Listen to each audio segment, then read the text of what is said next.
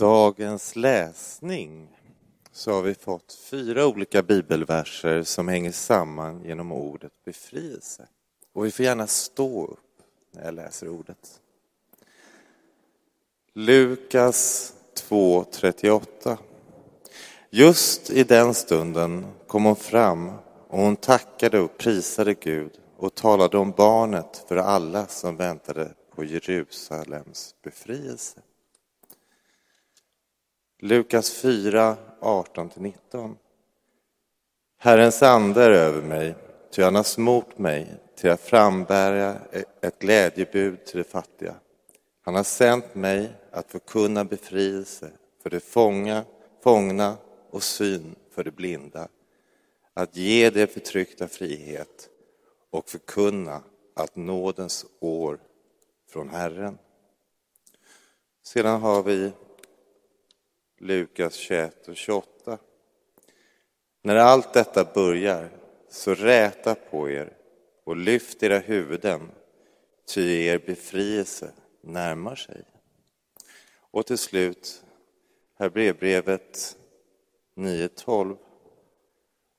Och med sitt eget blod och inte med blod av bockar och kalvar har han en gång för alla trätt in i helgedomen och vunnit befrielse åt oss för evigt. Detta är Guds ord för oss idag. Varsågod och sitt. Sådär. Ja, kanske skrattade ni inte bara åt mig, utan också åt Bert, som ni ser här på min vänstra sida, på er högra sida. Bert ska vi komma till alldeles strax. Jag tänkte säga att på glädjen om Bert och på temat befrielse så vill jag visa er två saker. Det ena är att imorgon har vi sista insläpp på vår måndagkvällskurs. På vår alfakurs som är en chans att utforska det allra viktigaste i livet. Genom att äta middag tillsammans, titta på film och samtala i smågrupper. Där man kan respektfullt ge sina egna åsikter i en smågrupp och bemötas med intresse genom andras åsikter i den smågruppen. Parallellt med Alfa så går en relationskurs om hur du får bättre relation med Gud, andra människor och dig själv. Den utgår från den här lilla boken som jag har fått skriva som heter Dina relationer. Och det är ungefär samma upplägg. Först en middag här, sen en föreläsning och samtal i smågrupp eller andra andliga övningar. Imorgon kväll har vi till exempel frågan Vem är du? Den är ju lätt att svara på om man svarar direkt, men lite svårare om man ska tänka en minut först. Herre, då ber vi för den här stunden i Klara kyrka idag. Det är så vackert när du låter oss få lära känna dig och vad en sann frihet i dig är för någonting. Herre, uppenbara du för oss och verkställ du i oss vad vi ska bli fria från i våra liv och vad vi ska få bli fria till. Så vi inte bara har gissningslekar om dig, utan faktiskt får lära känna dig så som du verkligen är. Vilken skatt, Jesus, att få lära känna dig redan på jorden. Amen.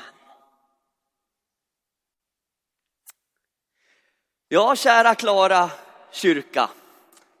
Missio Dei, Swahili-församlingen, Lilla Klara och du som är på besök från Stockholm city eller Falkenberg eller andra orter, Östersund med flera.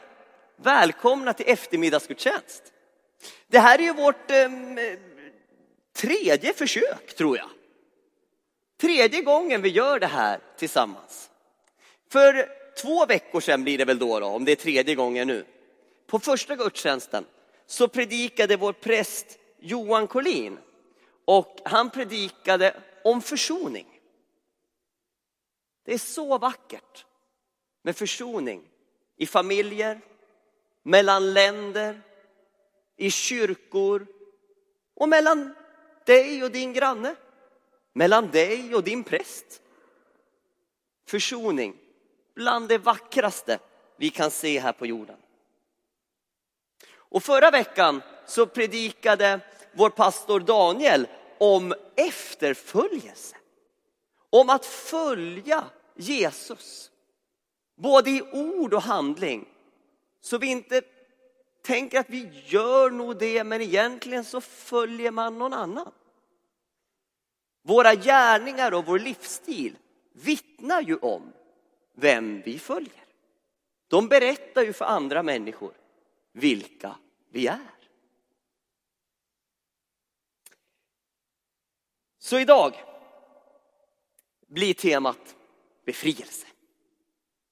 Och eh, det ligger lite i linje med det jag fick predika på Miss Judees eftermiddagsgudstjänst i våras.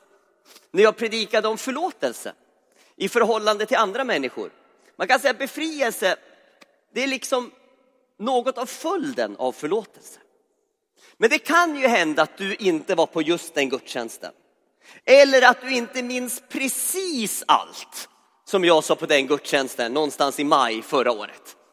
Så jag tänkte låta er följa med lite genom min presentation och genom de bibelord som August nyss läste för oss. Befrielse, det eh, verkar vara någonting som ligger på Guds hjärta. När man hör det bara som enskilt ord så tänker man, ja det kanske lät lite väl religiöst det där. Men när man tittar i Bibeln så märker man att befrielse ligger på Guds hjärta. Och det är någonting som är väldigt viktigt för Gud. Genom hela Jesu tjänst så följer ordet befrielse. Genom hela hans liv så följer befrielse. Och jag skulle vilja att ni går tillbaka till det första bibelordet. Om jag får be er där nere vid ljudbordet att gå tillbaka till det första bibelordet som vi hade här för, eh, på presentationen. Tack så mycket. Är det någon av er som vet varifrån det här kommer i Bibeln? Det är en rätt så svår fråga. Är det någon som vill gissa? Inte alla på en gång, en i taget. Ja. Ja, det här, här ligger du väldigt bra till tidsmässigt. Vad sa ni här? Ja, precis. Jesus hos Symeon och Hanna i templet. Alltså när Jesus var bebis. Vi tar nästa bild. Det här säger Jesus när han ger något av sin programförklaring för vad han ska göra på jorden. Är det någon som vet var han säger det? Ytterligare en svår fråga. Var uttalar Jesus de här orden? Vad sa ni? Det är rätt. Det här är Jesus i Nasarets synagoga som igen talar om befrielse. Han har sänt mig för att förkunna befrielse för de fångna och syn för de blinda.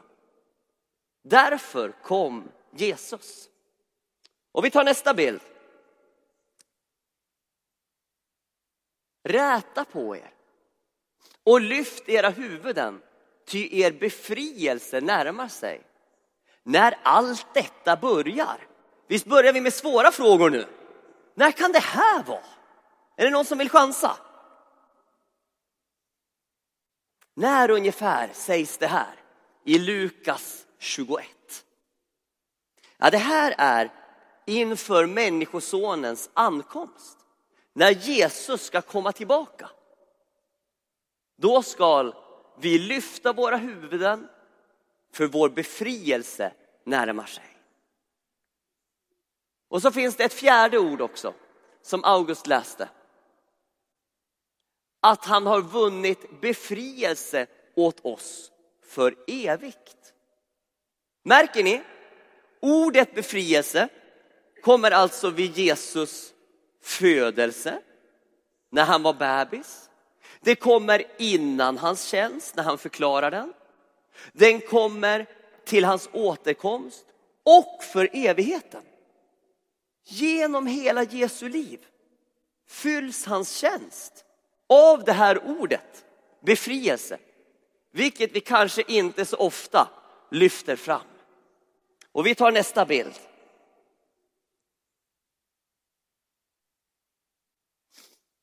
Om nu befrielse är så viktigt för Gud, hur kan det få effekt hos dig? Ja, jag tänkte för att komma dit så ska vi leta lite inne i ditt huvud idag. Och lite i ditt hjärta. Och kika efter vad det är som är anledningen till att du går upp på morgonen. Borstar tänderna i varje fall de flesta morgnarna. Gör hyfsat bra saker under dagen och försöker att inte äta för mycket ost och chips på kvällen. Vad är det som får dig att göra alla dessa saker? Kort sagt, vad är det som driver dig framåt? Varför ger du inte upp? Det finns ju anledningar att köra på. Och jag tänkte komma idag, känns lite ofestligt så här på tredje gudstjänsten när man har startat eftermiddagsgudstjänst, men jag tänkte komma med en bunt dåliga förslag idag på vad som driver dig. Okej? Okay? Så om någon frågar dig, ja hur var den där eftermiddagsgudstjänsten i Klara idag egentligen? Så kan du säga, jag fick så många dåliga förslag. Jag har aldrig fått så många dåliga förslag i en gudstjänst. Och då om du vågar sitta kvar en kvart till så ska vi se var de här förslagen landar någonstans. De kommer inte att vara dåliga i bemärkelsen osannolika, men de kommer att vara dåliga i bemärkelsen som om de var din sämsta kompis. Mitt första förslag på vad som kan driva dig, mitt första dåliga förslag är om du drivs av ditt förflutna och av de dåliga saker som hänt i ditt förflutna. Vi är ju alla mer eller mindre produkter av vår historia som format oss till att bli de som vi är idag. Men när vi läser i Bibeln så märker vi att många människor som var väldigt dåligt behandlade och levde väldigt tufft eller fattigt var väldigt gudsfruktiga och ödmjuka. Väldigt varma personligheter. Medan andra som kanske haft det mycket lättare i livet var hårdhjärtade, kallsinniga och egoistiska. Så det verkar inte vara så enkelt för oss människor. Som om, om vi har haft det lätt så blir vi snälla. Och om vi har haft det tufft så blir vi dumma. Nej, så verkar det faktiskt inte vara när vi läser Bibeln. Och inte heller när du tittar ut på din gata där du bor. Vi är inte bara produkter av vår historia. Utan mycket har att göra med hur vi lyckas hantera det vi går igenom. Så att vårt förflutna självklart påverkar oss. Men inte stjäl vår framtid ifrån oss. Och Bibeln verkar mena att det finns en bra väg där. Att ta sig fram på. Kom ihåg ett tillfälle då jag tyckte jag blev orättvist behandlad. En måndag morgon på mitt kontor när jag jobbade i Bäckbykyrkan i Västerås. Och den måndag morgonen, jag var van med att få några klagomål eller bekymmer eller problem från helgen bland alla 58 glädjeämnen. Men den här måndag morgonen var det liksom bara överhopat med bekymmer. Med problem, med falska föreställningar och alltihopa tyckte jag kom på samma måndag morgon. Så jag ringde till min chef Jerker och sa, Jerker, uh, sa jag. vet du hur orättvist det här jobbet är? Sa jag. Vet du hur orättvist det är? Och så la jag ut texten för honom. Och då sa Jerker bara, hör du Mats, nu har du chansen att bli lite skickligare som ledare. Hur hanterar du det här som läggs i din väg egentligen? Och så börjar han hjälpa mig och leda mig att försöka hantera problem, orättvisor, överdrifter, underdrifter, reaktioner. Du, du, du, du. Och efteråt när den där veckan var slut så tänkte jag nästan, tack gode Gud för det där som hände på måndag morgon. För jag fick hjälp att hantera.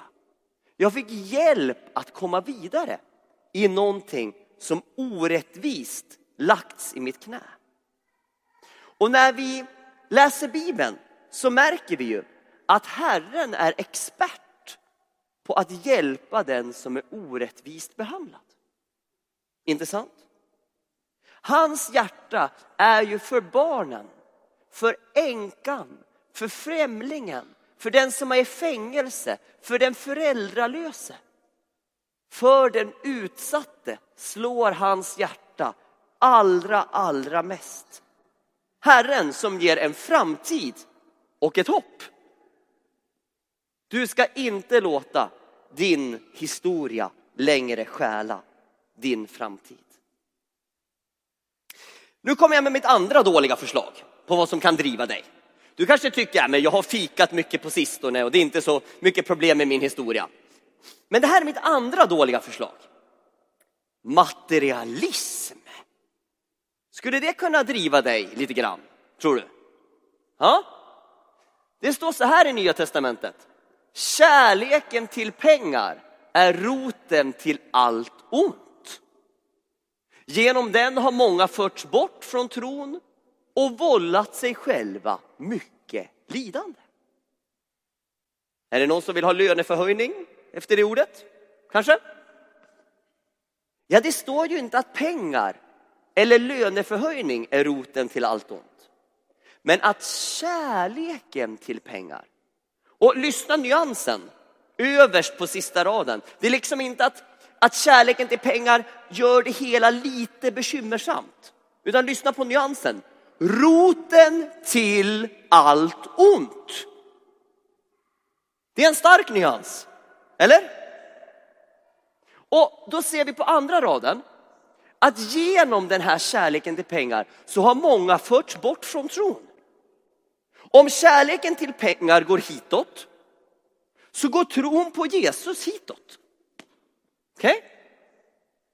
Man förs bort från tron och vållar sig själv mycket lidande med kärleken till pengar.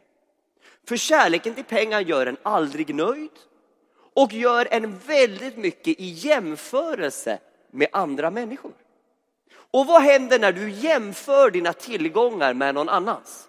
Du blir antingen högmodig eller så blir du missmodig. Antingen har du mer eller mindre. Finns ingen bra outcome. Ingen bra väg. Vi tittar vidare vad Jesus säger om materialism. Han säger här i nästa bibelord. Var inte rädd du lilla jord. Er fader har beslutat att ge er riket. Kanske har du hört talas om mannen som kom till Jesus och frågade vad han skulle göra för att vinna evigt liv. Och Jesus förstår att han har hållit allt, att mannen har hållit alla bud sedan han var ung. Men han säger ett fattas dig, gå och sälj allt du äger så får du en skatt i himlen. Och mannen går sorgsen därifrån. För han var kanske ledd åt fel väg just på det hållet. Och det har vi ibland använt som att, ja men den mannen han var nog så pengakär. Så just han var det så för. Men så för några år sedan, hittade jag ett bibelställe där det står rad två från mitten. Sälj vad ni äger. Alltså det är pluralis. Det är inte bara den där mannen som verkar gilla 50-lappar så mycket. Utan sälj vad ni äger. Här undervisar Jesus i grupp. och ge åt dem, ge åt dem, ge åt dem. Då vet du vem du ska ge dina pengar till. Åt de fattiga. Inte enligt prästen, utan enligt Jesus. Skaffa er en penningpung som inte slits ut. En outtömlig skatt i himlen, dit ingen tjuv kan nå och där ingen mal förstör. Mm? Alltså, var ska du ha din penningpung någonstans? Ska du ha den på jorden? Eller ska du ha den i himlen? Kanske tycker du det låter lite svartvitt, eller? Ja, titta på nästa ord då från Jesus. Får vi se hur svartvitt det är. Jesus säger, ingen tjänare kan tjäna två herrar. Antingen kommer han hata den ene och älska den andra eller hålla fast vid den ene och inte bry sig om den andra. Ni kan inte tjäna både Gud och mamma. Alltså behöver du välja. Materialism eller inte. Gud eller mamma. Det var väl två dåliga förslag på vad som kan driva dig. Ja, men jag har fler. Ja då. Här kommer ett till dåligt förslag på vad som kan driva dig. Kommer kom mera. Det här. Det här kan driva dig. Har du provat den? Det här är en stark drivkraft som jag inte önskar min värsta fiende. Rädsla. Har du provat att gå fram på rädsla någon vardag? Rädsla för om du äntligen skulle kunna göra mamma och pappa lite nöjd över dig. Är det rädsla utifrån vad din man eller hustru ska säga nu när du har gjort så där igen? Eller rädsla om vad folk ska tycka om din nya frisyr? Eller hur det ska gå för dina barn? Visst finns det ganska mycket man kan vara rädd för? Eller? Eller sjukdomar, eller döden. Rädslan är din sämsta kompis. Om du någon gång tycker du haft en dålig kompis så är rädslan ännu sämre. Din allra sämsta kompis är rädslan. För vet ni rädslan, den gör att du aldrig kommer framåt. I bästa fall bevarar du status quo. Men någon utvecklingspotential, glöm det. Rädslan hindrar det. Jag älskar första Johannesbrevet 4.18 där det står Rädsla finns inte i kärleken utan den fullkomliga kärleken fördriver rädslan. Älskar det där ordet fördriver. Att liksom kärleken, den inte bara konkurrerar inte bara med rädslan utan kärleken fördriver rädslan. Aus everybody! Ja, ni får sitta kvar. Men ut med rädslan! Kärleken står så i motsats till rädsla. Så den fördriver rädslan. Jag har fler dåliga förslag. Kan vi, kan vi inte ta ett till? Okulta erfarenheter kan driva dig. Jag har haft flera vänner som varit drivna av det här. En kompis till mig berättade hur han var så glad för han genom någon seans hade fått träffa sina förfäder på ett galärskepp, galar, vad heter det, skepp. Och han var så glad. Men seanser, tarotkort, anden i glaset. Det är lite som, eh, det är som en ulv i fårakläder. Det är som man tycker att man träffar ett litet sött lamm. Så här. Litet lamm. Släpper in det lilla lammet i sängkammaren och klappar lite på lammet och tar hand om det. Men så märker man efter ett halvår eller några månader att det är inget lamm jag släppt in. Det är en varg. Och den här vargen äter upp allt som finns och alla som finns i hela sängkammaren. Genom osunda bindningar, depressioner och annat som okulta erfarenheter leder till. Men det finns goda nyheter. Okulta bindningar är ofta i det andliga och de försvinner ofta direkt när man ber i Jesus namn. Det som sitter i själen och det som sitter i erfarenheterna måste ofta ha längre tid i själavård och bön. Men det som sitter som bindningar andligt bemöter du genom att säga Jesus namn. Många av oss delar den erfarenheten, hur det försvinner på tre sekunder. Men det är ett riktigt dåligt förslag om jag ska prata om vad som ska driva dig framöver. Så kanske tycker du nu då här i Klara kyrka idag att det var inte superuppmuntrande alla de här dåliga förslagen. Men eh, du tycker inte att du är så inne på ändå på det här med dålig historia eller materialism eller, eller det här med rädsla eller det okulta. Men då ska jag ta fram något som prickar på dig. Nu. Är du beredd? Det här. Det prickar på dig. För det här har du och jag. Dåliga vanor. Det är en väldigt dålig drivkraft.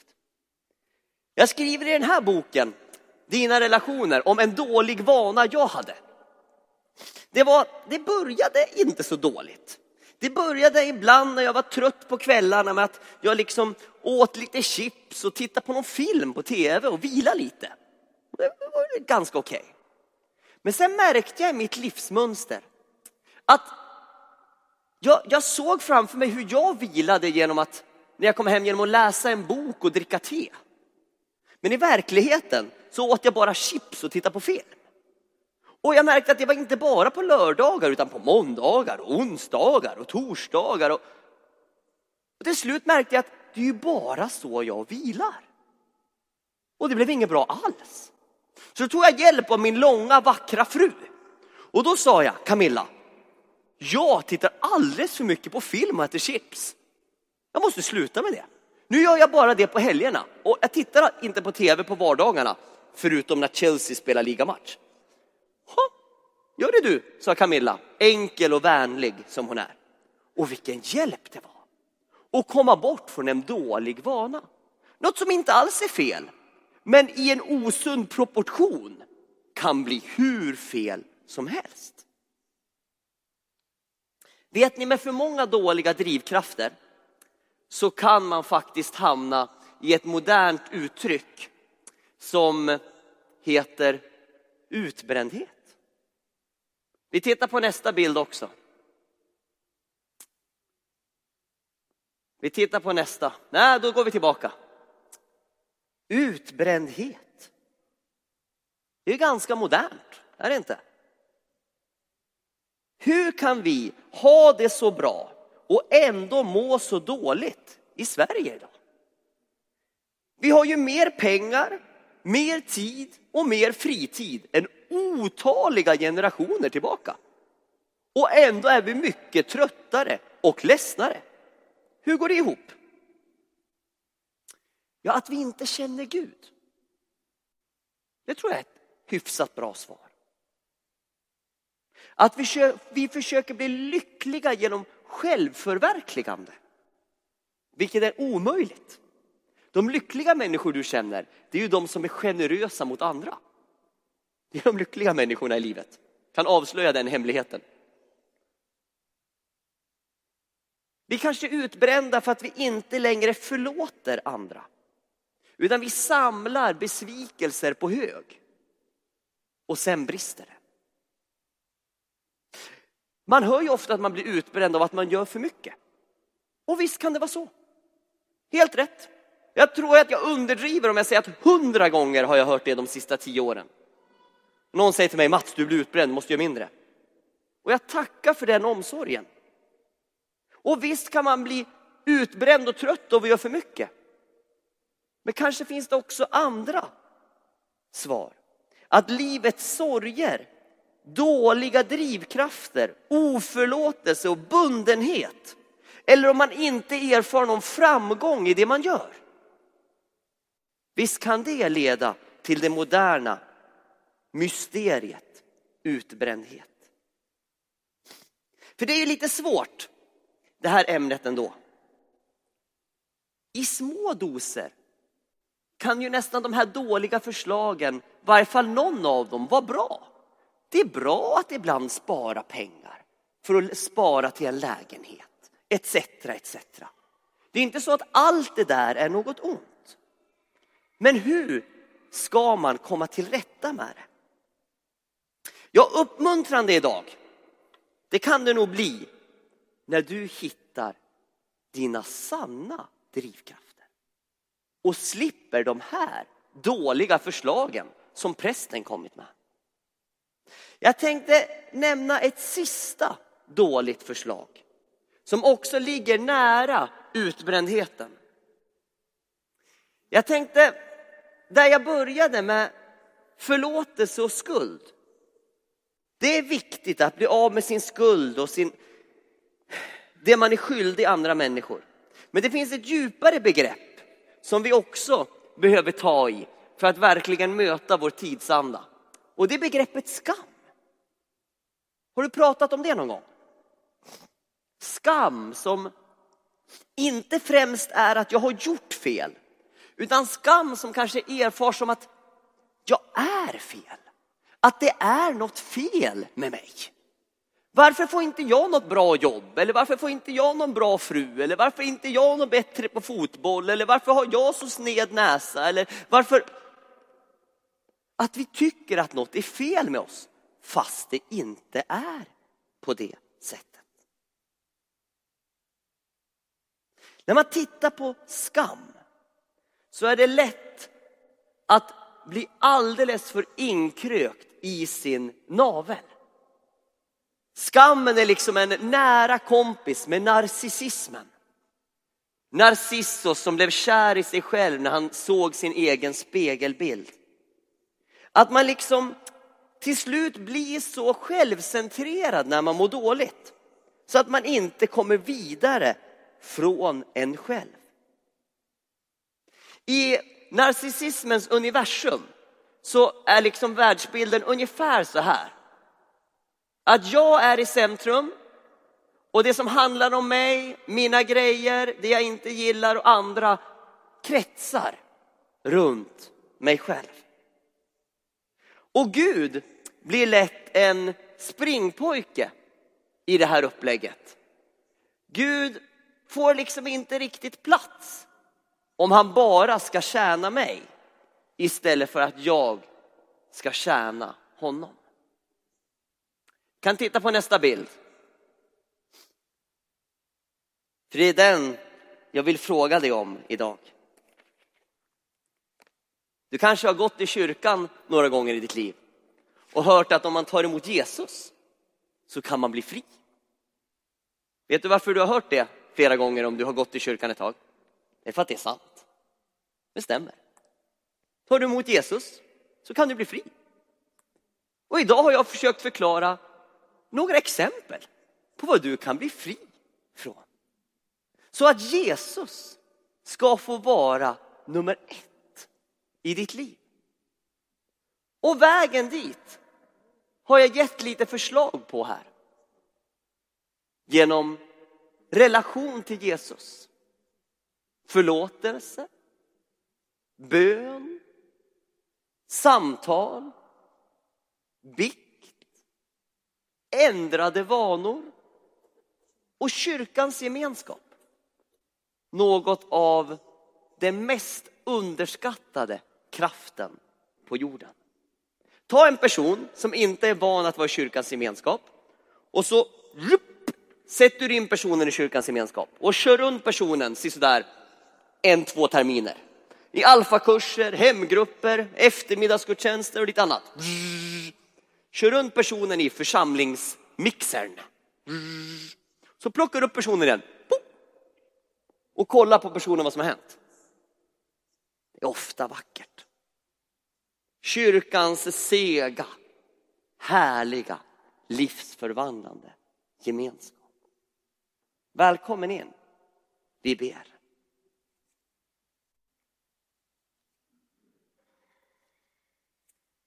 Herre, vi önskar att det här skulle få, få bli en helig stund.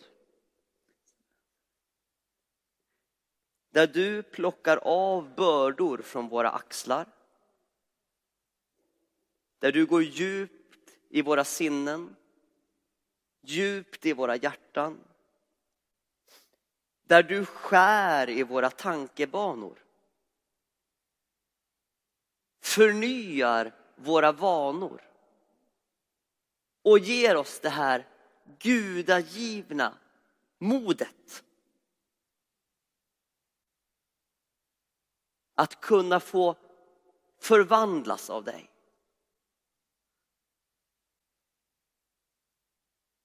Herre, tack för att vi får lämna våra bördor till dig. Och se när vi ger av vår svaghet vad som händer när du fyller på med din oerhörda styrka.